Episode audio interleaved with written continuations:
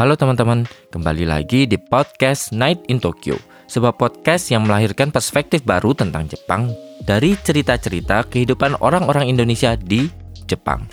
Dibawakan oleh gua, Aiman, host Night in Tokyo.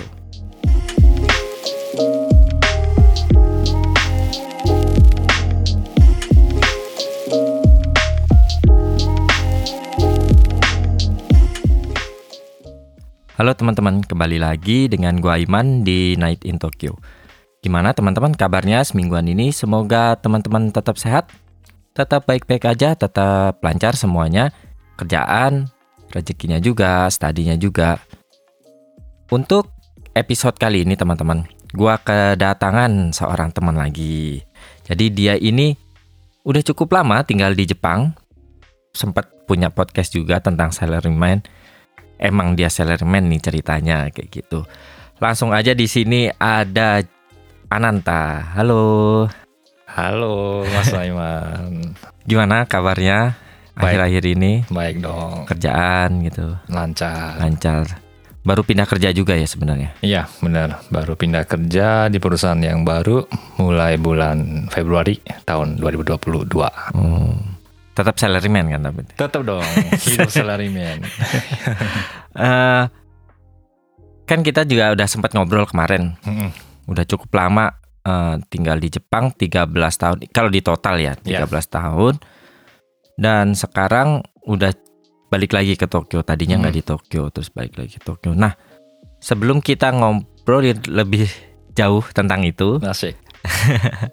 gimana ceritain dulu nih kira-kira eh, kecilnya dulu di mana, besar di mana, sekolah di mana misalkan. Mm. Sebelum akhirnya menetap di Jepang ini gitu. Oke, eh, buat pendengarnya Naikin Tokyo ini, halo teman-teman, kenalin nama aku Ananta. Eh, jadi aku di Jepang ini eh, lum- sudah lumayan lama. Eh, terus eh, aku di Indonesia lahirnya di Bali, Hmm, di Bali. Terus eh, aku dibesarkan di Jogja. Jogja. Iya di Jogja. Terus sempat juga eh, waktu kecil eh, karena bokap dan nyokap eh, kerja di Jepang sekolah gitu. Terus eh, ke Jepang lah waktu itu ngikutin mereka buat studi gitu. Hmm, Umur berapa itu? Eh, waktu itu umur umurnya lima tahun. Oh masih kecil. Iya masih kecil gitu masih ya masih bocil lah. Sampai umur berapa di? Di Jepang sampai umur sekitar 11-12 gitu. Berarti ini dong. Hampir SD sem- ya hampir menghabiskan waktu kecilnya di Jepang gitu. Hmm, sekolah juga di Iya. negeri Jepang gitu. Di sekolah di Jepang. Baru balik ke langsung Jogja. balik ke Jogja gitu. eh, gimana tuh? Waktu itu Hmm, oh kalau bukan di street kan berarti hmm, hmm, nggak ini kan apa Iya. sih namanya? hmm. Eh, kalau misalnya pertama kali yang Hmm. seingat saya Hmm. waktu pertama kali ke Jepang, saya kira cuma jalan-jalan doang waktu itu gitu. Oh, Karena eh, orang tua juga nggak bilang kan buat tinggal gitu di Jepang itu. Dikira jalan-jalan nih, ternyata kok lama di Jepang gitu kan. Terus Oh. sampai masuk TK gitu kan, masuk TK terus masuk SD gitu kan. Awal di Jepang ya nangis lah. Seingat Hmm. saya nangis waktu itu kalau nggak salah waktu datang ke Jepang pertama kali itu eh, bulan eh, musim salju juga kalau nggak salah waktu Oh, itu musim dingin ya? dingin gitu kan. Jadi kayak Iya. udah dingin, kok ada putih-putih turun dari atas gitu kan. Apa ini itu? Nah, Hmm. nangis-nangis gitu. Ya pokoknya dari situlah memulai hidup buat di Jepang gitu. Ngikutin Dan- orang tua. masuk ke Hmm. SD negeri Jepang. Hmm. Eh, emang waktu itu di Tokyo bukan atau bukan? Waktu itu saya di Kyushu. Oh, pantas nggak ada street ya, Iya, sekolah Republik ada. Indonesia. Iya, jadi orang-orangnya bener-bener orang Jepang, semua orang Jepang. Terus saya harus beradaptasi sama mereka juga gitu. kan. ngomong bahasa Jepang. ngomong bahasa Jepang yang dari saya nggak ngerti ya. Ohayo aja, selamat pagi aja saya nggak ngerti waktu Hmm. itu. Gitu. sampai SMP, sampai SD kelas 6. SD kelas 6 ya, hampir Hmm. SMP. Hmm. Terus balik ke Ke Indonesia, ke Jogja. Nah, ini lagi ribet lagi dong saya kehidupannya. Eh karena di Jepang awal itu nggak bisa bahasa Jepang, otomatis belajar dong. Mm-mm, belajar terus Jepang. kayak dari orang tua, dari orang-orang sekitar gitu kan. Terus belajar juga di sekolah gitu. Nah, setelah balik ke Indonesia, ya nggak bisa lagi dong bahasa Indonesia gitu. Nulis alfabet aja saya nggak bisa sampai diajarin dengan eh, waktu itu nenek saya yang sudah almarhum gitu. Hmm. Jadi eh, nenek saya ngajarin saya alfabet selama 2-3 bulan itu setiap hari saya belajar alfabet. A B C D. Eh, ABCD sampai Z nulis gitu kan terus selamat pagi gitu-gitu. Nah, waktu datang ke Indonesia kan kelas 6 SD. Hmm. Bayangin aja kelas 6 SD itu apa? Ada apa teman-teman pendengar? Tanas. Eptanas ya kalau mungkin, mungkin sekarang itu kayak UN gitu ya, UN, ujian nasional itu.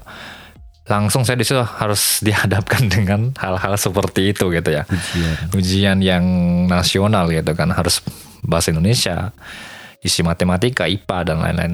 Saya ngebut dong belajar itu selama kelas 4, 5, 6 itu saya harus belajar dari nol kan gitu. Jadi Oh. selama satu tahun itu 365 hari saya les privat, les eh, ke ini juga ya ke les-les privat sama yang di kayak lembaga-lembaga seperti itu gitu kan kayak ada. Nah, itu pulang sekolah, les, sorenya juga les lagi sampai jam 8 malam itu. Itu selama satu tahun saya belajar. Terus Hmm. pelajaran bahasa Indonesia gimana tuh? Bukannya susah banget ya? Iya susah dong. Mau gimana Ujiannya. ya? Harus dihadapkan dong. Harus saya Hmm. bisa buat belajar bahasa Indonesia gitu kan dari nol itu. Bukan dari nol juga sih, maksudnya kayak perbicaraan seharian sama kayak belajar itu kan berbeda ya. Beda, Yang iya. di teks sama daily daily conversation gitu beda. Ya jadi saya di situ harus tetap semangat buat belajar. Karena gitu. gue inget banget sih. Hmm. Ya mungkin teman-teman di Indonesia tahu lah. Hmm. Ujian bahasa Indonesia tuh nggak gampang. Gak gampang. Kayak gitu masih Hmm. ada ada ambigunya. Terus Hmm. ada yang bener mana yang gini gitu-gitu dan lu datang nih kelas 6 Hmm, nggak bisa ya bisa tapi kan bukan pada level itu nggak sih benar, benernya? benar. Terus harus belajar lagi. Iya, jadi sempat di situ juga kayak tekanan batin juga ya, kayak misalnya eh, dari teman-teman gitu nggak bisa ngomong, kurang bisa bergaul sama mereka Hmm. gitu kan, terus kayak eh, pengen ngomong cuman nggak bisa gitu kan, nyampe Keluarnya masa bahasa Jepang. Iya, bahasa Jepang juga jadi ambigu juga gitu kan, maksudnya kayak belajar bahasa Indonesia terus bahasa Jepangnya juga hilang gitu, Hmm. tiba-tiba kan karena dalam hati itu harus belajar bahasa Indonesia gitu kan, Hmm. harus lupain bahasa Jepang, harus lupain bahasa Jepang itu dalam hati saya gitu ya. Nah cuman waktu itu karena sifat saya yang seperti ini gitu kayak teman-teman juga banyak membantu gitu kan buat Hmm. belajar gitu terus habis itu eh, guru juga ngasih support gitu kan buat belajar ya di situ eh, yang penting semangat terus lah waktu itu Lulus lah ya yang penting ya. lulus ya yang penting lulus gitu yang penting lulus. lulus. ya lulus dengan ya pas-pasan Pas-pasan nggak apa-apa lah ya. lulus, yang penting ya lulus gitu SMP dan SMA sampai kuliah di Jogja di. Jogja iya di Hmm. Jogja sampai kuliah di Jogja Hmm. Eh, ngambil apa kalau di kuliah? Kalau di kuliah saya ngambil fakultas ekonomi, akuntansi, Ekonomi. ya. Akuntansi. Lulus. Terus Mm. balik nih cerita balik lagi ke Jepangnya tuh gimana Hmm. sebenarnya? Jadi panjang sebenarnya gini. eh, kalau misalnya balik ke Jepang itu gara-gara waktu SMA itu eh, kembali lagi eh, buat saya eh, pingin belajar lagi bahasa Jepang gitu. Oh pengen apa ya? Menghidupkan Mengingat lagi, ya, menghidupkan, ya. kembali kayak jiwa kejepangan saya waktu itu gitu asik. Kejepangan apa kali itu. Eh, terus menghidupkan Jepang itu kan. Terus waktu SMA itu ada kayak pelajaran bahasa Jepang waktu itu. Hmm, dari SMA. Hmm, jadi di Jepang ada, eh, di SMA ada pelajaran bahasa Jepang. Nah, terus dari situlah eh, buat belajar lagi bahasa Jepang. Eh, terus habis itu eh, kuliah nih. Nah di Hmm. kuliah ini yang seru. Jadi belajar akuntansi, belajar Hmm. ekonomi. Cuman saya nggak terlalu belajar gitu. Jadi Oke. saya, saya belajarnya lebih banyak di luar gitu. Jadi saya lebih banyak berorganisasi dengan Organisasi. teman-teman di luar gitu. Nah di situ saya eh, banyak ketemu dengan teman-teman eh, studi exchange gitu. Jadi teman-teman dari luar negeri. Mhm. Nah di situ ada teman-teman dari Australia, dari Korea, terus ada dari Jepang gitu. Hmm. Nah di situ saya kenal lah mereka gitu orang-orang Jepang. Oh. Nah dari situ saya mulai tertarik lagi buat Ngomong bahasa Jepang. ngomong bahasa Jepang dan juga pingin ke Jepang lagi gitu kan. Oh. Ke Jepangnya itu pinginnya awalnya bukan cuma untuk kerja doang sih sebenarnya, kayak pingin nemuin mereka lagi gitu. Oh, main. Iya, pingin nemuin mereka lagi buat bertemu di Jepang gitu. Nah, gimana caranya gitu? Waktu di situ saya mulai kayak nyoba-nyoba nyari informasi how to Hmm. ya go to Japan gitu kan. Nah, di situ saya mulai cari-cari informasi lagi, eh dan akhirnya kembali lagi di sini gitu. Hmm. Awalnya nih. Hmm. Berarti langsung eh, nggak pakai belajar kan? Langsung kerja. Langsung kerja. Tapi Itu daftar dari iya, daftar dari bukan di, di Jepang kan daftarnya. Iya. Itu gimana tuh? Eh, jadi prosesnya itu sebenarnya eh, waktu semester 5 ya, kalau nggak salah waktu kuliah itu saya nyoba nyari eh, informasi buat kerja di Jepang gitu kan. Nah, kebetulan karena saya banyak organisasi waktu itu di luar gitu Iya. kan. Nah, di situ saya dapat eh, link lah salah satu orang yang emang kebetulan waktu itu eh, nyari ini ya, eh, nyari teman-teman luar negeri yang pingin bekerja di Jepang. Hmm. Jadi kayak ada seminar gitu. Iya. Nah, terus saya bertemu dengan beliau gitu kan. Nah, terus beliau menawarin saya, mau nggak buat kerja di Jepang gitu kan. Hmm. Ada seminar seperti ini gitu, kayak ada buka eh, Kayak job fair ya, job gitu. fair gitu kan. Iya, iya. Mau ikut nggak gitu? Oh, boleh boleh. Gitu kan saya. Hmm. Eh, setelah itu saya nyobain lah masukin berkas gitu lewat dia. Jadi prosesnya eh, tahap pertama di Jakarta. Di Jakarta habis itu seleksi eh, setelah seleksi lolos ke Singapura gitu. Mhm. Nah, jadi setelah di Singapura baru eh, wawancara beberapa perusahaan yang ada di job fair tersebut gitu. Oh. Tapi itu prosesnya nggak gampang ya. Kebetulan saya di Jakarta eh, itu kayak seleksi berkas itu kalau nggak salah eh, tahu dari beliau sekitar seribu pendaftar gitu waktu itu. Yang Dari seluruh Indonesia. Iya, dari seluruh Indonesia gitu. Seribu pendaftar, terus yang lolos mungkin kurang lebih 15 sampai 20 orang yang bisa lolos ke step berikutnya di Singapura waktu itu. Nah, di situ eh, saya lolos kebetulan ya, kebetulan lolos terus eh, bisa wawancara lah di perusahaan-perusahaan yang saya pinginin gitu. Nah, jadi perusahaan-perusahaan yang saya pinginin itu eh saya ngasih ini ya, ngasih beberapa perusahaan yang saya pingin gitu kan. Ada beberapa daftar perusahaan gitu. Nah, tapi eh bisa juga mereka nggak mengizinin kita buat wawancara. Karena Oh, oke oke. spek kita nggak sama dengan yang dicari mereka gitu. Seperti misalnya bahasa Jepangnya kurang ataupun misalnya latar belakang kita buat eh, studinya berbeda dengan Hmm, perusahaannya pendidikannya, gitu, ya. pendidikannya dan lain-lain gitu. Nah, kebetulan saya bisa eh, mendapatkan enam perusahaan buat wawancara gitu. Mhm. Nah, di situ prosesnya seperti itu gitu. Sampai akhirnya Sampai akhirnya saya keterima eh, di empat perusahaan sebenarnya waktu itu. Mhm. keterima di empat perusahaan. Nah, terus eh, perusahaannya ya salah satu perusahaan telekomunikasi, terus eh, salah satu retail, habis itu salah satu perusahaan eh, heavy industry ya kayak pembuat pesawat gitu-gitu, bisnis mesin gitu. Terus kayak pembuat eh, jembatan gitu-gitu ya, manufacturing lah gitu. Nah, dan akhirnya saya Oh, beda-beda semua ya. berbeda. Nah, jadi gini, saya waktu di situ, oh, saya lumayan ini juga ya, beruntung banget dapat beberapa perusahaan dan empat perusahaan itu semua perusahaan terbesar di Jepang gitu. Orang Jepang juga jarang banget bisa masuk ke perusahaan tersebut gitu. Ya, kalau mungkin nih, mungkin kalau orang-orang tahu perusahaan-perusahaan Jepang yang besar-besar kan tadi kategorinya disebut itu. Teman-teman bisa menerka tuh Ya, apa aja kira-kira semuanya. Apa ya gitu ya. Mungkin bisa ditebak teman-teman dari pembicaraan saya ini. Eh, terus terus. Nah, terus kebetulan eh, setelah lihat beberapa perusahaan ini dan saya juga belajar kan gini, apa sebenarnya perusahaan yang baik lah menurut saya gitu. Kebetulan saya suka IT dengan Jepang gitu kan, suka teknologi dan akhirnya saya memutuskan di salah satu perusahaan telekomunikasi Jepang ini gitu. Kayak Buat Telkom lah ya. Iya, kayak Telkom lah. Ya mungkin teman-teman tahu lah yang lambang itulah merah Iya. gitu ya.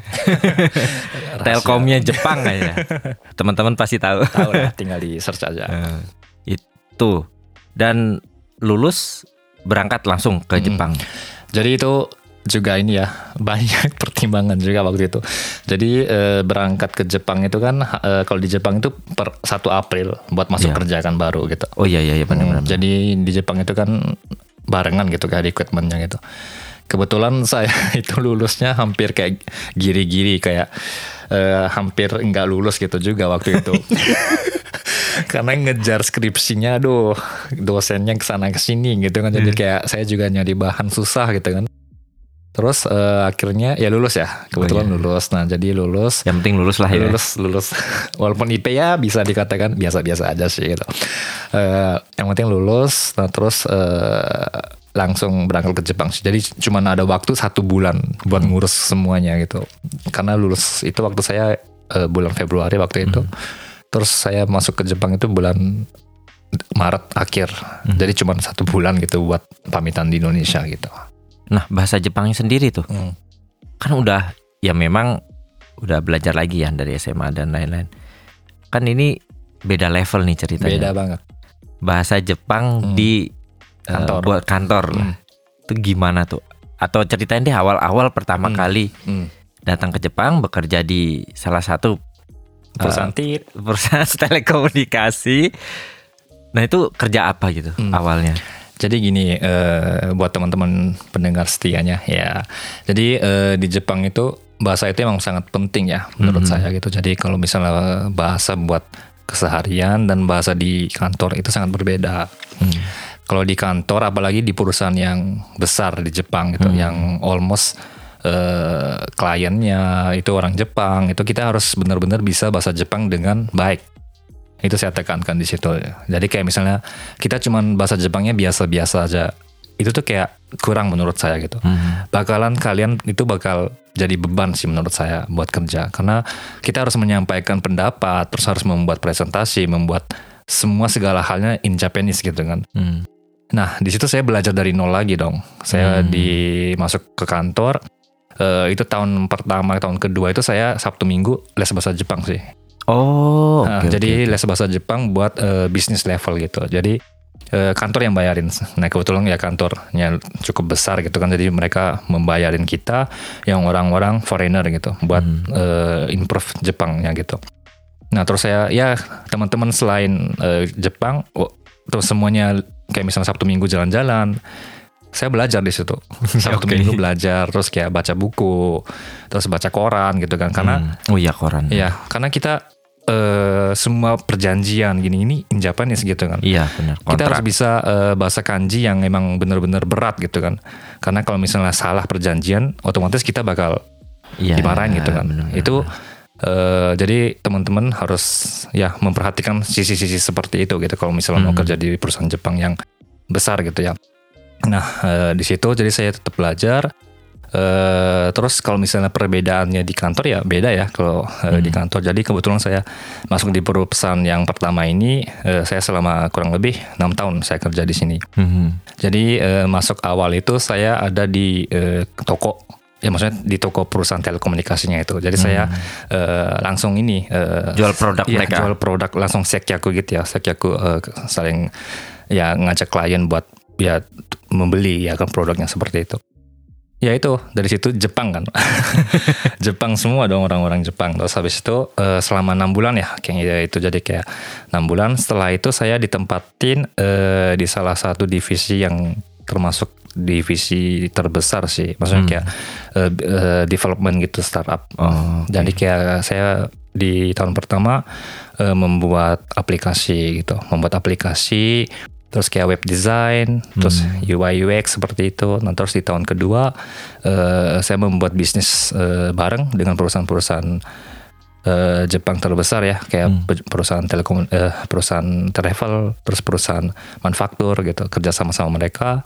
Eh, terus tahun ketiga saya eh, ngerjain 5G, ngerjain 5G. 5G. ya, ngerjain 5G, terus tentang VR, AR dengan eh, salah satu perusahaan di Cina, dari China Mobile gitu, kerja sama sama mereka gitu. Eh, membuat eh, kartun-kartun animasi gitulah meng- menggunakan 5G-nya perusahaan gitu kan dengan ya planning lah seperti itu. Nah terus tahun ke-45 itu eh, kebetulan saya dipindahkan ke Nagoya di Jepang. ya Udah nggak di Tokyo. udah nggak di Tokyo lagi, sayonara gitu kan. Terus pindah ke Nagoya. Eh, itu selama dua tahun itu saya eh, bekerja sebagai marketing dan eh, promosi gitu. Hmm. Jadi eh, mengawasin daerah kawasan di situ ya di Nagoya itu berarti masuk Tokai. Tokai. Ya, Tokai Prefecture ya, masuknya semua. Jadi ngawasin Shizuoka, Mie, Gifu, sama Aichi gitu. Hmm. Jadi ngawasin penjualannya berapa, terus kayak eh, buat promosinya seperti apa. Kalau misalnya gampangnya kalian kalau misalnya ngelihat eh, papan-papan di Eki di stasiun gitu-gitu yang ada perusahaan saya itu saya ngerjain gitu. Jadi kayak Oh, udah diatur ya? Iya, jadi kita mau ngeluarin eh, seperti apa gitu kan. Kayak misalnya di toko-toko telekomunikasinya itu misalnya ada kayak eh, promosi di luar kan ada kayak gambar-gambar seperti itu itu kita yang ngawasin semua gitu kayak penjualannya mereka terus kayak misalnya eh, ngawasin buat ini kayak TV di iklan-iklan seperti itu. Kita juga yang planning itu. Gimana mengeluarin iklannya terus eh, tiap minggu berapa kali gitu. Kayak di YouTube kan keluar nih iklan-iklan. Itu kita yang ngawasin gitu. Banyak yang seperti itulah pokoknya tentang eh, planning buat eh, penjualan seperti itu. Hmm. Nah itu kan pindah tuh. Dari Tokyo ke Nagoya. Mm-mm. Kehidupan sendiri gimana? Kalau di Nagoya kan kayaknya nggak tahu sih. Apakah udah cukup? Kayaknya sih udah cukup kota juga sih sebenarnya Hmm. Nagoya. Tapi apakah kehidupan juga berubah waktu di Nagoya? Eh, terus terang berubah Hmm. Hmm, karena eh, saya lebih suka tinggal di Tokyo sebenarnya gitu Oh. bukannya saya eh, tidak suka tinggal di Nagoya atau di luar Tokyo gitu kan cuman eh, saya pingin tetap belajar gitu tetap pingin banyak eh, kenal dengan orang-orang di sekitar saya gitu Oh. Kehidupan sosialnya ya. Iya, benar. Saya lebih mementingkan kehidupan sosial gitu. Karena eh, saya sendiri dari kecil dengan yang sudah saya ngomongin tadi, saya banyak dibantu oleh orang-orang di sekeliling saya gitu. Jadi saya eh, buat bisa bertahan hidup itu dengan orang-orang di sekitar gitu. Cuman di Nagoya itu emang eh, karena mereka itu ini ya eh, di Nagoya kan emang nggak terlalu kota banget gitu kan. Jadi eh, orang-orang di sana juga emang bi- biasa-biasa aja gitu kan. Terus kayak eh, buat mencari sesuatu yang new something itu menurut saya agak kurang gitu kan. Hmm. Nah, terus di situ eh, dan saya juga pingin kayak eh, lebih pingin banyak kenalan lagi dengan orang-orang di mana di sekeliling saya seperti itu kan. Jadi saya memutuskan buat kayaknya eh, saya bukan di sini deh tempatnya gitu. Nah, kebetulan di perusahaan saya juga setiap 3 4 tahun itu bakal pindah gitu. Oh. Job rotasi gitu seperti itu. Iya kayak Telkom juga sih. Iya. Jadi kalau misalnya kebanyakan rotasi, eh, setelah misalnya di Nagoya saya stay terus-terusan, nanti 3-4 tahun saya bisa-bisa dipindahin lagi ke Hokkaido atau di Okinawa. Itu selama 47 prefektur di Jepang itu semua bakal pindah gitu. Hmm. Itu menjadi beban juga dong buat saya. Harus pindah-pindah terus, harus nyari suasana baru gitu kan. Hmm. Nah, seperti itu sih. Jadi memutuskan buat eh, buat buat pindah ke Tokyo lagi seperti itu. itu kan eh, apa sih namanya pekerjaan pertama di itu dan peaknya waktu di Nagoya akhirnya memutuskan buat ini kan ya apa sih namanya berhenti lah ya Hmm. dari pekerjaan itu padahal sebenarnya kalau dipikir-pikir eh, lumayan juga nggak sih kerja di Hmm. situ kayak perusahaan besar juga gitu Lumayan banget. lalu apa yang membuat Hmm. lu ya mungkin salah satunya tadi kan alasannya itu apa yang membuat lu ah gua udah deh di Hmm. perusahaan ini mau pindah gitu cari lagi Jadi gini, eh, sebenarnya saya ke Jepang itu yang pertama tadi suka dengan IT-nya Hmm. Jepang, terus pingin eh, karena pingin belajar tentang Jepang mengenai seperti itu. Cuman di sisi lain, ya di sisi lain saya itu saya pingin eh, menjembatani Indonesia sebenarnya gitu. oh tetap saya kerja oke, di luar negeri maupun di Jepang ataupun di negara lain saya ingin tetap berkontribusi lah buat tanah air gitu Hmm. buat Indonesia gitu nah kebetulan eh, saya buat memutuskan buat pindahan kerja itu bukan karena tidak suka dengan perusahaan yang sebelumnya gitu di Mhm. perusahaan Telkom tersebut baik banget semua dari tunjangan ya gaji lumayan semuanya memuaskan sekali buat saya gitu Hmm. cuman saya ada di sisi lain kayak yang kurang gitu kayak apakah ini menjadi kebahagiaan buat saya gitu waktu itu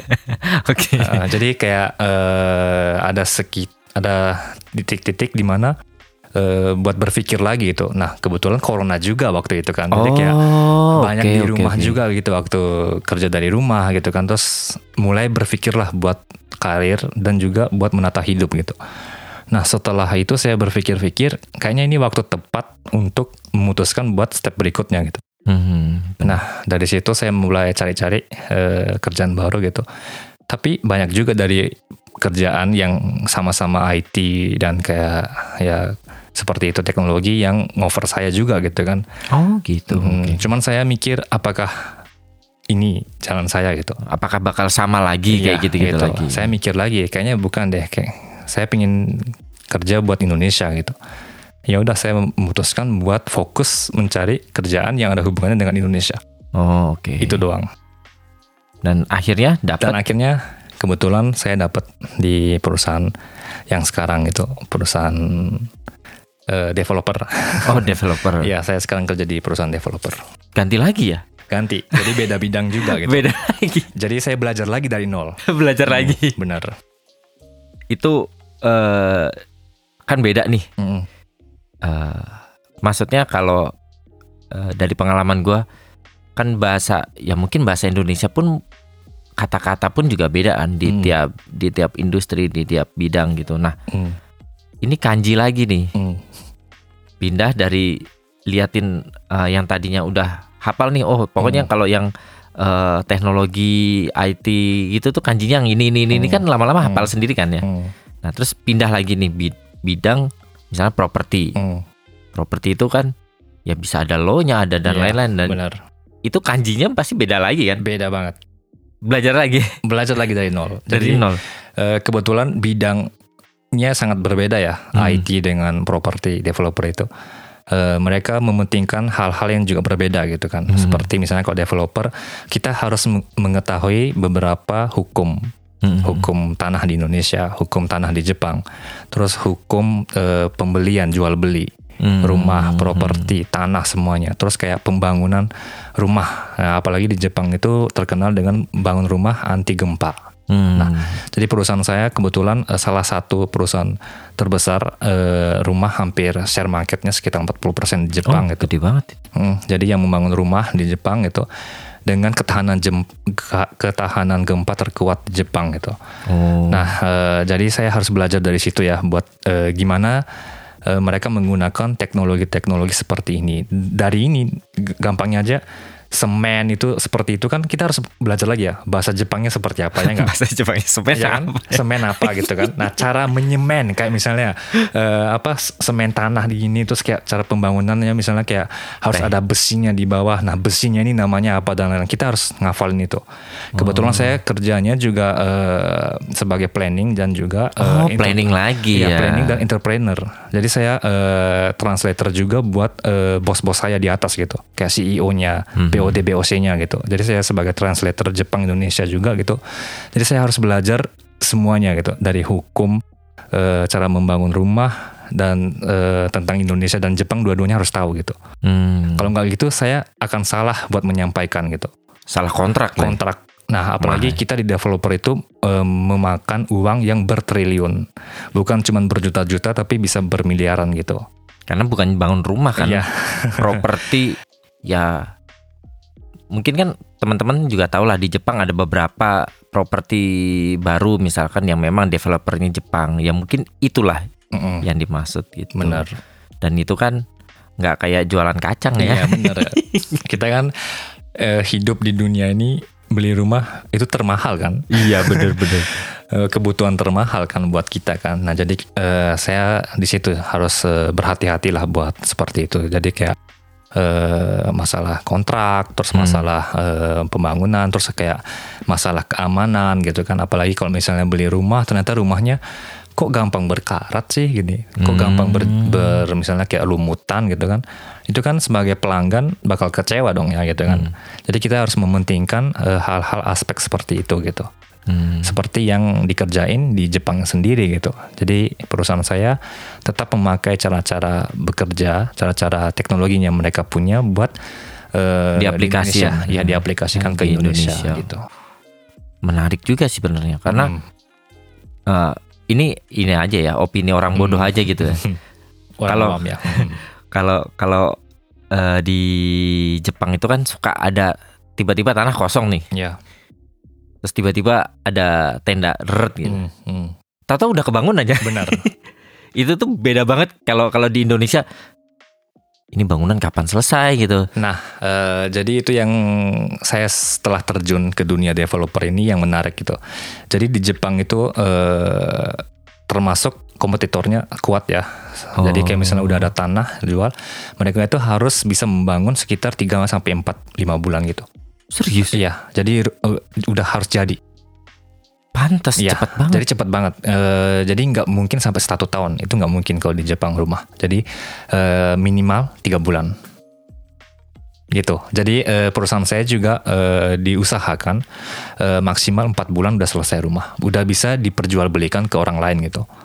Oh, gitu. Pantas. Gitu. Di Jadi Jepang mungkin- kayaknya Ya. kayak simsalabim gitu kan. Ya tiba-tiba kamu misalnya lewat jalan yang sama gitu. Sama kan, gitu. pulang, eh kok udah jadi rumahnya Kok gitu. udah kan. jadi Nah, gitu. karena mereka itu eh, termasuk ini ya kuat buat bangun rumah karena mereka tinggal eh, ini eh, kita kalau misalnya di Indonesia harus dari nol ya kayak misalnya buat Hmm. batunya pakai batu bata gitu kan Hmm. tapi mereka udah nyetak secara printer gitu jadi oh, mereka itu eh, udah ada ininya ya apa ya? udah namanya precut gitu kan udah ada cut cuttingnya yang udah diproses di eh, ini ya di kojo apa kojo namanya Pabrik. pabrik ya di pabrik gitu. Nah jadi udah mereka udah proses tinggal dibawa, terus tukangnya tinggal Pasang. pasang gitu. Oh iya pantas ya. Apalagi kalau di Jepang itu kalau teman-teman tahu konstruksi di Jepang itu tertutup ya. Iya. Jadi ketutup nih. Mm. Tadinya tanah kosong terus ditutup tetap udah jadi Iya. lo kok udah jadi kayak gitu. Itu cepat banget teman-teman. Iya. Mungkin teman-teman yang tinggal di Jepang sendiri pasti ngerasain itu Iya, bukan coba ngerasain lihat ya. lagi. Mungkin setelah saya ngomong gini, teman-teman mungkin yang di Jepang juga ini ya eh, bisa ngelihat kalau misalnya di, sek- di sekitar ada pembangunan rumah ataupun proyek gitu pasti ditutup Eh, dan mereka tiba-tiba eh kok udah jadi aja Iya. gitu kan. Tahu udah jadi aja kayak Iya. gitu. gitu. Nah, untuk di perusahaan yang sekarang nih mulai lagi dari awal, Hmm. belajar lagi Hmm. gitu. Selain itu ada nggak sih tantangan-tantangan tersendiri yang yang beda gini dari perusahaan pertama dengan perusahaan yang sekarang? Eh, yang pertama pasti ada ya tantangan baru pasti ada. Yang penting yang pertama beradaptasi dong. Oh iya, Nah, itu paling orang susah. baru lagi. Iya. Eh, istilahnya saya dari kelas 1 lagi gitu kan. Hmm. Pindah anak pindahan lagi gitu kan. Eh, beradaptasi dengan lingkungan perusahaan baru yang mungkin culture-nya sangat berbeda menurut saya gitu. Hmm, hmm, hmm. Kalau di perusahaan sebelumnya saya selalu dikejar dengan deadline karena eh, IT juga terus kayak tiap hari berubah ya enggak Oh iya, teknologi berubah terus kayak penjualan HP itu juga selalu berubah gitu Hmm. kan keinginan pelanggan juga berubah gitu berbeda dengan eh, developer atau properti. Mereka kalau properti itu lama ya? Planning. planningnya lama juga. Terus buat pembangunan itu nggak mungkin langsung go ya enggak Iya ya benar-benar. kita harus ngeplan semuanya. Kayak misalnya dari jalannya harus gimana? Izinnya dapat nggak? Dari pemerintah gimana? Terus kayak eh, siapa yang bakal bangun di sektor seperti ini? Hmm. terus misalnya kita harus ngambil eh, perusahaan-perusahaan di sananya menggunakan siapa terus dengan teknologinya apa? Barang-barangnya dari mana distributornya dan lain-lain. Banyak banget. Jadi eh, dari situ kita harus menghafal. Harus bisa tahu eh, beberapa perusahaan dan juga kayak berapa sih harga standarnya gitu. Hmm. karena kita ditahu bakal misalnya perusahaan luar negeri gitu. Perusahaan asing bakal dikasih eh, harga yang tinggi misalnya kan. Pasti ya. ya kan? Nah, nah seperti itu. Jadi biar tidak dibohongin kita harus tahu harga-harga standarnya buat pembangunan itu berapa kira-kira gitu. Hmm. jadi kita harus benar-benar nge-planning seperti itu. Jadi di situ yang ini ya harus di ditanemin gitu. Beradaptasi dengan perusahaan. Nah sempat sih saya kayak mikir kok lama banget sih gitu kan? Kayak karena sebelumnya perusahaannya cepat kan geraknya gini-gini Oh iya. nah Dinamikanya Iya, cepat. dinamikanya cepat. Kalau misalnya di developer kan beda ya karena rumah itu atau tanah nggak mungkin langsung tiba-tiba berubah dong harganya kan. Bakal mereka tetap pelan-pelan gitu kan. Dan juga nggak bisa bangun langsung satu hari jadi gitu kan. Hmm. Nah itu yang sama dan juga dengan perusahaannya gitu. Perusahaannya juga kayak cara kerjanya mereka kayak nggak nggak secepat itu. Kita harus banyak nyari informasi gitu kan harus eh, beradaptasi kayak misalnya buat ke atasan itu kita harus eh, bisa menyampaikannya dengan benar dan juga atasan yang punya wewenang paling kuat. Hmm. Karena developer itu biasanya kalau di Jepang itu top of bottom banget gitu. Oh. Karena uh, orang atasan itu paling megang kunci kalau buat developer karena uh, kalau misalnya atasan bilang go langsung semua harus gerak gitu. Hmm. Ya, itu yang agak berbeda sedikit ya. Walaupun perusahaan saya sebelumnya juga top of top bottom gitu kan. Dari bottom juga ada, cuman uh, lebih uh, lebih kerasa yang perusahaan sekarang seperti itu. Hmm. Ngomong-ngomongin ini nih, kan gua pernah sekolah lah di Semongaku gitu Hmm. kan di Tokyo ngomongin apa sekolah manajemen dan bisnis gitu. Hmm. Waktu itu sempet tuh ada satu pelajaran ngomongin eh, peraturan pro- peraturan peraturan properti di Jepang. Hmm. Nih teman-teman kalau eh, nggak tahu eh, atau masih bingung nih seberapa teratur di Jepang, teman-teman harus tahu sebenarnya di Jepang itu kita nggak boleh bangun sembarangan, ukurannya sembarangan. Itu eh, antara depan pintu masuk apa antara rumah dan eh, apa itu namanya jalan di depannya itu ada ada ukurannya Ada. pasti Ada. kanan kiri rumah itu ada Hmm. ukurannya pasti dan Hmm. itu nggak boleh nggak boleh dilanggar Hmm. kalaupun ada yang nutupin itu tetap harus dikasih jalan di Iya. sampingnya kayak gitu Iya. nah jadi nggak ada tuh kayak di berita-berita di Indonesia Jadi gini, eh, rumah di belakang nggak bisa keluar kadang-kadang jajannya di jala- jalannya ditutup sama Iya benar. Jadi eh, yang saya lucu itu saya setelah terjun di dunia ini banyak yang tahu kalau misalnya di Indonesia rumah itu berdempetan ya enggak. Iya, Kanan iya. kiri itu kan tembok jadi satu. benar-benar Iya enggak? Kalau misalnya di perumahan seperti itu. Di Jepang kan nggak ada kan? Nggak ada. Pasti ada rumah itu satu gitu kan. Kotak kanan kiri ada jalan gitu. ada Ya. eh, ada space lah Ada space gitu. Nah itu p- emang peraturan di Jepang seperti itu. Rumah ya harus satu, nggak boleh berdempetan gitu. Hmm. Ada yang berdempetan, cuman itu bukan rumah sih. Kalau di Indonesia kan mungkin kalau buat perumahan itu dempet-dempet ya. Mhm. Eh, rumah kanan mungkin eh, pintunya di sebelah kiri, tapi yang sebelah kanan di kanan gitu kan. Iya, Berdempet gini kan. Nah itu mungkin salah satu beda. Terus misalnya kayak di belakangnya misalnya ada eh, tanaman atau halaman yang terbuka gitu kan. Kalau di Jepang kan jarang ya terbuka Jarang. gitu. Mungkin di dalam rumahnya baru ada taman dikit gitu kan seperti itu. Ya itu peraturan di Jepang buat rumah itu sangat rumit banget. Bukan cuman rumah doang ya, kayak misalnya gas, air dan lain-lainnya itu tersambung dengan benar nggak gitu, seperti itu. Harus Oh, diselidiki juga safety-nya. safety-nya gitu kan. Hmm. Nah, jadi kayak di Indonesia juga sebenarnya seperti itu gitu kan. Harus apakah PDAM lewat di kawasan tersebut Hmm. atau enggak gitu. Listriknya gimana gini-gini. Tapi ya ada beberapa yang berbeda dan harus Jepang itu emang bener-bener buat rumah itu nggak main-main lah gampangnya. Hmm. Setelah itu bukan rumah doang ya kayak apartemen, terus kayak eh, buat eh, gedung-gedung tinggi gitu. Ada peraturannya dan sangat ketat dan kita juga harus melaporkan ke pemerintah pusat juga juga Hmm. seperti itu. dan ini juga ya apa sih di Jepang tuh sebenarnya ada blue eh, di Jepang apa ya, Tokyo lah sebenarnya Hmm. ada blueprintnya ya Ya. tata kotanya Mm. Jadi kalau teman-teman ke Jepang nih, kalau datang ke satu tempat isinya rumah doang, nah itu memang Mm. biasanya tempat itu hanya boleh didirikan rumah doang gitu. Mm. Jadi teman-teman tuh nggak bakal bisa apa ya lihat gedung-gedung kayak Sudirman itu di di mana-mana kayak di Jakarta tuh nggak bisa. Biasanya yang tingginya di setinggi-tinggi itu tuh daerah Tokyo itu ya. Mm. Apa sih Marunouchi itu ya. Iya, jadi udah ada batasan-batasannya. Udah pada batasan-batasannya. Cie, belajar juga ya. Agak Belajar. tertarik juga ya buat ini ya. Nggak tertarik sih, le- lebih tepatnya ya namanya kuliah kan Iya, benar, masa nggak didengerin. Iya, belajar banyak gitu ya. Tapi jadi jadi apa ya? Eh kalau jadi jadi makin oh pantas orang Jepang tuh kayak gini gitu. Mm, Nggak cuma kehidupannya doang. bener. Kayak gini di ukuran semuanya tuh dihitung masalah masalah properti itu gila. Itu. Jadi mungkin teman-teman besok kalau jalan-jalan ke Jepang jangan cuma lihat lingkungan-lingkungan sekitar atau tempat wisata ya. Lihatlah rumah-rumah. Gimana di Jepang bentukannya. Nah, tapi yang saya misalnya eh, ini ya yang sedikit ngelihat nah, kalau misalnya tentang rumah itu rumah di Jepang itu gitu-gitu aja sih sebenarnya. Iya. Kalau teman-teman besok lihat ke Jepang Bentuknya ya, bentuknya bentuknya. gitu-gitu aja kayak misalnya warnanya juga paling coklat, putih, terus kayak abu-abu gitu-gitu kan. Ya namanya juga itu karakteristik Jepang sih sebenarnya. Hmm. Menurut saya kayak nggak terlalu suka yang menonjol. Harus mengawasi eh, dengan orang-orang sekitar gitu. Udah nggak ada yang bentuk-bentuk ini ya. Kalau di sini apa sih? bentuk-bentuk kayak istana-istana itu udah nggak ada Iya, ya. kalau misalnya di Indonesia kan ada rumah satu misalnya eh, warna pink sendiri, warna kuning sendiri gitu kan.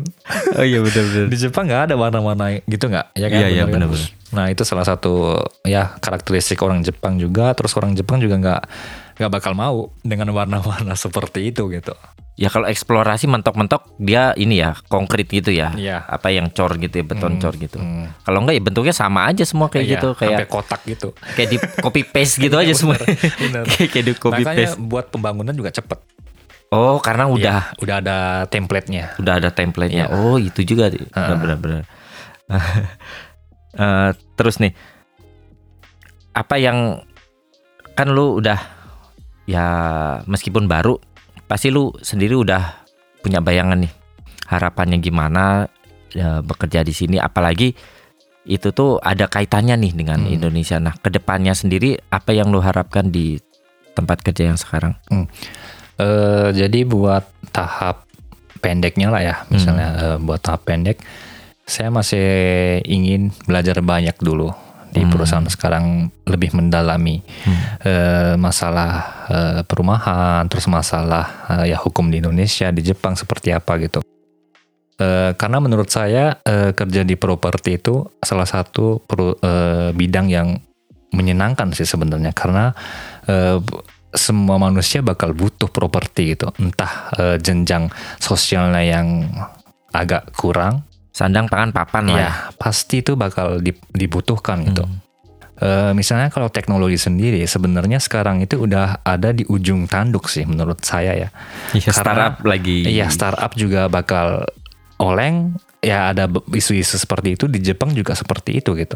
Hmm. Jadi orang-orang Jepang juga bakal udah mengerti gitu. Kayaknya teknologi ada batasan mentoknya seperti itu. Tapi berbeda dengan properti gitu. Properti bakal terus-terusan naik gitu. Entah itu waktunya cepat ataupun lambat bakal diperlukan oleh manusia gitu. Nah, jadi saya ingin ya untuk ke depannya masih tetap eh, belajar lah apa Hmm. yang saya ada di depan mata gitu kan. Nggak nggak neko-neko dulu mau pengen ini sana ini nggak dulu. Kayak belajar apa yang saya eh, hadapi di depan Hmm. mata, terus lakukan dengan tekun. Itu aja sih. belajar terus lah ya. Iya, belajar terus. Kalau nggak belajar terus, bakal nggak tahu arah hidup sih sebenarnya. Hmm, Hmm. Pindah-pindah. Ta- Tapi dari cerita lu tuh memang pindah-pindah belajar hal yang baru, pindah-pindah. Pusing Lu- sih. Jujur pusing kayak misalnya, aduh ngapain ya gue terlalu belajar banget nih kayak majime banget kan. Kalau majime itu apa kayak terlalu serius banget gitu kan. Nah cuman ya kalau nggak gitu nggak ada ini nggak ada tujuan hidup gitu loh menurut saya kayak belajar sih bebas aja mau belajar yang gampang yang susah ya it's okay asal kamu nyaman aja gitu Hmm. aja sih. Mungkin lu juga suka dengan dinamika itu juga masih ya. Bener sih kalau misalnya nggak ada dinamika kayak gitu-gitu doang hidup gitu kan. Kayak di luar negeri apalagi misalnya jauh dari keluarga gitu kan. Nggak belajar kayak belajar sekolah gini-gini ngulang itu aja tiba-tiba udah kepala tiga kepala empat gitu kan. Terus orang Jepang juga kan gitu-gitu kan kayak dinamikanya sama ya kan. Terus iya, tiba-tiba benar-benar. aduh udah harus nikah nih udah harus gini-gini nih. Ternyata nggak jalan juga gitu kan. Ya makanya harus ada hidup ya dinamika lah. Susah-susah ya jalanin aja. Eh, di perusahaan lu yang sekarang ada nggak sih yang di Indonesia yang sekarang lagi ini eh propertinya? Bangun apa gitu? oh ada. Ada beberapa perus ada ya pembangunan di project di Indonesia sudah ada jalan beberapa perusahaan gitu. Jadi ya salah satunya di kawasan aja mungkin di Depok terus di daerah Jabodetabek seperti itu ada. Terus dari perusahaan di grupnya sendiri ada sih di bagian NTT juga ada. Terus Sampai ya sana sampai ke sana juga kita buat perumahan gitu. Dengan eh, ini ya eh, dengan perusahaan-perusahaan terbesar di Indonesia juga kita bekerja sama kayak joint venture gitu. Oh. ya menjalani perusahaannya dengan perusahaan di Indonesia kita eh, sama-sama naruh saham seperti itu kita buat project pro- buat perusahaan eh, anak perusahaan di Indonesia sendiri gitu Eh, bentar. Bisnis properti eh, orang Jepang maksudnya perusahaan properti Jepang kan memang emang capitalnya lumayan lah. Ya. Itu tuh apakah dari dulu udah eh, apa ya namanya membangun market di Jep- di Indonesia atau memang baru-baru sekarang aja? Jadi kalau misalnya perusahaan itu eh, perusahaan secara keseluruhan properti di Jepang itu sebenarnya udah lama eh, membangun eh, properti di Indonesia. Seperti misalnya kayak Plaza Indonesia dan lain-lain itu sebenarnya bukan oke, cuma perusahaan. Jepang, perusahaan Indonesia doang. Itu Hmm. bosnya perusahaan Jepang semua. Oh. Kayak misalnya daerah-daerah Sudirman itu semua banyak-banyak kayak Oh, Sumitomo ya gitu itu ya. tuh emang kayak ya salah satu ya gue nggak usah nyebutin ya misalnya gini ya emang salah satu perusahaan-perusahaan Jepang yang terbesar di, di Jepang itu joint venture dengan perusahaan kayak misalnya perusahaan di Indonesia yang Hmm. properti ya adalah pokoknya beberapa properti mereka gabung dan membuatlah perusahaan karena otomatis perusahaan Jepang itu nggak bisa buat perusahaan sendiri di Indonesia gitu dengan peraturan pemerintahnya seperti itu gitu kan. Kita harus eh, nanam modal bersama-sama buat eh, suatu perusahaan nah baru dibuat project lah seperti itu. Jadi eh, mungkin teman-teman kalau misalnya yang di Jakarta gini-gini ngelihat misalnya daerah eh, eh, Setiabudi eh, apa yang akhir-akhir ini eh, CBD, SCBD. gitu-gitu. Oh, di sana perusahaan Jepangnya banyak banget yang buat eh, apa gedung-gedung tertinggi gitu kan. Itu perusahaan Jepang semua dengan Oh. ini. Jadi mungkin teman-teman ngira eh, ini cuma perusahaan Indonesia doang, bukan sih banyak banget perusahaan Jepang yang menanam saham, menanam modal dan buat perusahaan anak anak perusahaan di sana gitu. Oh, berarti marketnya juga Marketnya gede sih. besar banget di Jepang Di- itu udah. hmm. dan Indonesia, Indonesia ya. juga luas banget kan ya. Iya, benar. Dan, uh, banyak lah yang bisa dieksplor Banyak bagi- banget. di Indonesia. Iya. Oke oke. Nah ke depannya sendiri nih, apakah sepertinya bakal lama gitu di Jepang atau eh, udah punya rencana lain gitu? Kalau untuk sekarang hmm, masih di Jepang aja kali ya. gue juga bingung kadang kadang misalnya ditanyain gini, e, Ananta kapan ya pulang ke Indonesia gitu kan? Hmm, belum bisa jawab. Hmm, jadi eh, kalau misalnya saya udah sampai bosan dan udah nggak tahu tujuan hidup saya, Atau dinamikanya lagi dinamikanya butuh lagi, mungkin saya pulang. Tapi saya mikir juga kalau misalnya saya pulang, saya ngapain ya gitu Hmm. harus mikir lagi seperti itu. Misalnya eh, saya lebih banyak suka berpikir sih, misalnya kayak lima tahun ke depan, 10 tahun ke depan seperti Hmm. apa. Walaupun itu nggak tersampaikan gitu, nggak tercapai, cuman harus berpikir gitu. Kalau nggak seperti itu, kayak ada yang kurang aja gitu. Kan Hmm. berpikir boleh lah ya, manusia Iya, iya. boleh berpikir kan. Ngelamun lah ya. ngelamun gitu, kayak ngelamun sambil apa kayak ngelihat eh, koeng kayak ngelihat ya kan ngelihat tanaman kayak gitu kan terserah dong ng- ngelamun tapi untuk sementara saya masih ya bakal stay di Jepang lah mungkin ya 5-10 tahun ini masih ya tetap Hmm. Oke oke oke. Nah, eh, masuk ngomong ke serius penutup soalnya ya ngomong Iya. serius terus ya jadinya ya. Sekarang kita masuk ke sesuatu yang lebih ringan, nah, karena udah penutup lah ya iya mungkin teman-teman juga udah capek ya dengar ya ngomongin ngomongin Properti. serius jadinya eh di Jepang sendiri nih, Yoi. di kehidupan Jepang sendiri, apa yang lu suka dan lu nggak suka sebenarnya? Kalau sukanya banyak sih. Eh, dari orang-orangnya juga suka. Orang-orang Jepang juga baik gitu ramah. Di sisi lain ada juga yang cuek gitu kan, yang ngapain sih orang ini? Ih, kayak gini gini. ada eh, terus eh, musimnya ya kan. Empat musim, empat ya. musim gue suka. Kayak misalnya kalau ada empat musim itu gue tahu kayak nginget gitu. Oh, ini nih ketemu ini waktu musim dingin gitu. Oh.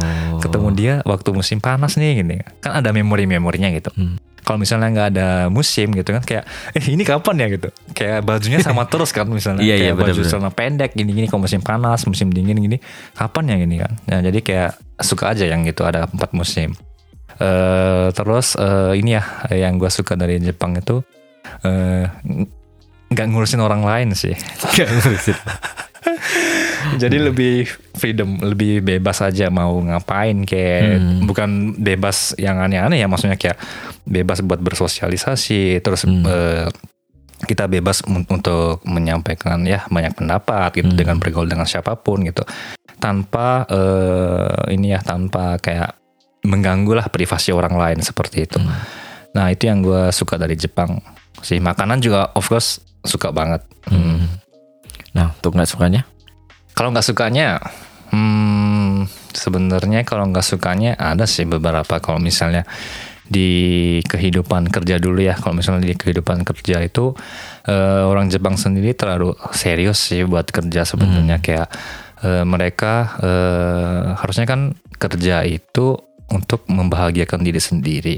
Tapi menurut saya pribadi kayak mereka itu kerja kayak menjadi beban sih.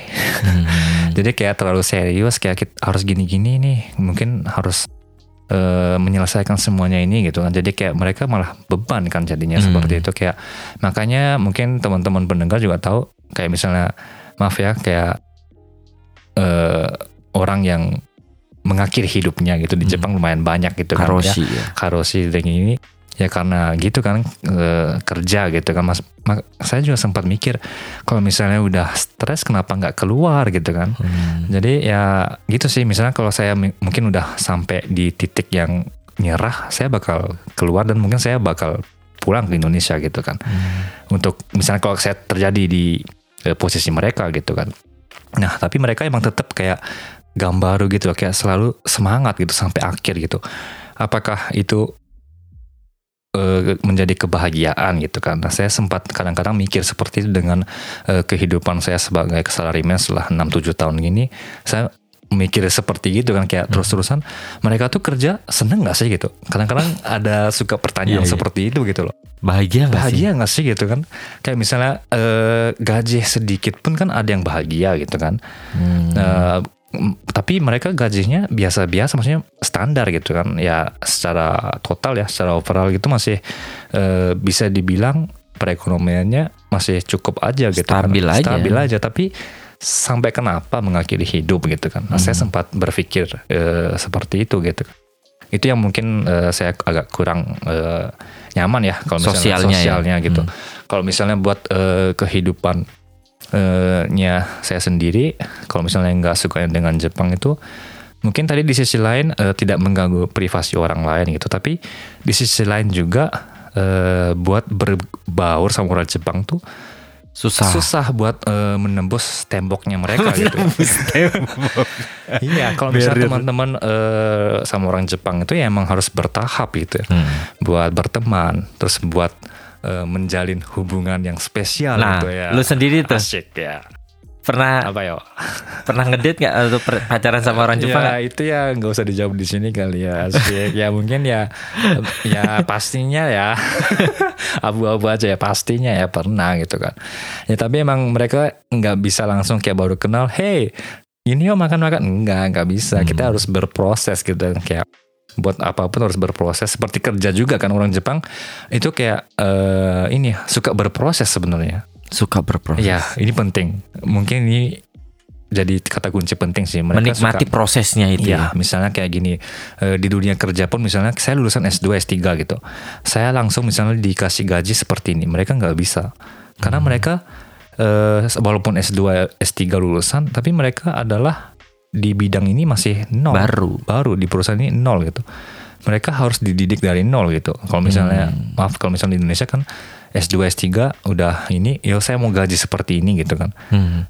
bisa nawar gitu kan kalau di Jepang agak susah sebenarnya gitu Hmm. mereka harus tetap dari nol memulai dan keluar hasilnya baru bisa naik gaji pelan-pelan gitu Hmm. mereka selalu berproses gitu kayak misalnya perusahaan saya juga yang dulu nggak memandang background kamu lulusan apa gitu tapi di perusahaan ini harus ngikutin culture di perusahaan ini gitu Hmm. itu yang disukai orang Jepang jadi kalau misalnya teman-teman mau eh, ini ya disukai dengan orang Jepang Deketin orang ya, Jepang. entah di kantor ataupun di, i- dalam hubungan itu ikutin aja ini eh, prosesnya itu jangan ngegas 130 kilo gitu. Pelan-pelan dulu aja 10 kilo 20 kilo gitu gitu aja gitu. Pelan-pelan Nah, gitu. terus kayak agak kasih jarak dikit gitu biar dia kayak eh kenapa sih nggak dibalas gini gini ya gitulah pokoknya tips-tips.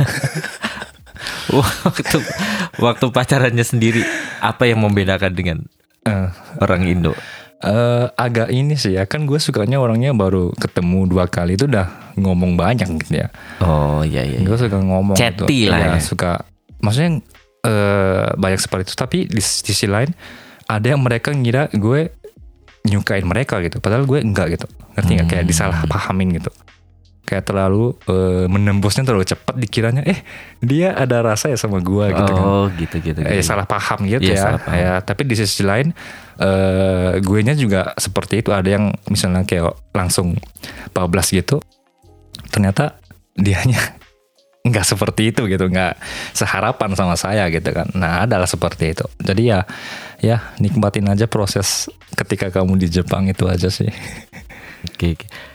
Eh, ini kebalikannya. Hmm. Nah, kalau Indonesianya sendiri nih, Oh. apa yang lu suka dan nggak suka? Oh, kalau di Indonesia eh sukanya banyak sih yang Hmm. eh ini ya ramah sih orang Indonesia itu Iya, ramah. pasti. Jadi yang saya kangenin dari Indonesia itu kangen dengan Indonesia ramah tamahnya terus kayak gotong royongnya kangen ibu-ibu bapak-bapaknya gitu kan kayak ngomong itu langsung yo yo sini sini makan makan nah itu yang kayak ya kekeluargaannya itu yang sangat ini terus eh, makanan juga pasti suka. Iya. walaupun saya di Jepang lama dengan makanan-makanan Jepang itu tetap pingin makan Indonesia gitu. Indonesia ya pasti the best lah makanannya Indonesia. Eh kalau misalnya nggak sukanya sih ya itu ya. Karena saya lebih suka mem- memprivasikan diri saya gitu kan. Walaupun saya Oh, bergaul dengan banyak hmm. orang lain cuman saya itu kayak kadang-kadang kurang nyaman dengan Kepo. kepo-kepo yang seperti itu. Nggak Hmm. nggak penting menurut saya. Ini opini saya ya terserah dong mau hidup mereka gitu kan mau Hmm. mereka berbuat apa asalkan tidak mengganggu orang lain tidak Hmm. eh, apa menyalahgunakan aturan yang ada gitu Hmm. kan karena kita di Indonesia dan negara hukum kita harus mematuhi hukum-hukum yang ada di Indonesia walaupun mungkin Hmm. ada beberapa hukum yang mungkin warganya ngira ini kok gini banget sih gitu ya tapi Hmm. itu adalah negara kita gitu kan harus kita tuntut dengan eh, sebagai karena kita sebagai warga Indonesia harus tuntut dengan eh, hukum yang ada gitu sih. Hmm, hmm. Iyalah, kalau itu emang enak di Jepang ya. Kalau Mm-mm. urusan Iya itunya ya, nggak ada yang ngomel. Iya nggak ada yang ngomel gini ya kayak "Oh, udah punya rumah gini-gini udah gini belum gitu kan ya. Oh iya. itu lagi happening banget tuh Ya, happening sekarang. banget ya. Eh, orang pada pengen banget buru-buru kaya ya. Oh ya nggak mungkin nggak bisa coy teman-teman. itu dengerin. Iya penting ini ya kita di Jepang itu kerja keras bayar pajak banyak terus eh, berusaha sampai malam kerja itu baru dapat pundi-pundi gitu kan Hmm. nggak mungkin kita langsung tiba-tiba satu dua bulan langsung kaya enggak kalau gitu orang Jepang kayak semua dong Oh iya benar juga. iya ya. kan Etos kerjanya kan gede-gede Iya, semua. langsung dong nggak usah kayak ini dong nggak usah kerja langsung orang Jepang kaya dong tinggal nanam Hmm. modal ini 50 juta nabung eh kaya nggak mungkin ya pelan-pelan lah ikutin proses ini lagi Hmm. Iya, kan nah ikutin proses juga buat jadi kaya Ya, gitu Gitu teman-teman. Ya. Oke teman-teman. Mungkin itu aja buat episode kali ini. Terima kasih buat Sama-sama. Ananta meluangkan waktunya datang ke sini jauh-jauh misalkan. nggak jauh Nggak jauh, sama-sama ya. Tokyo Iya.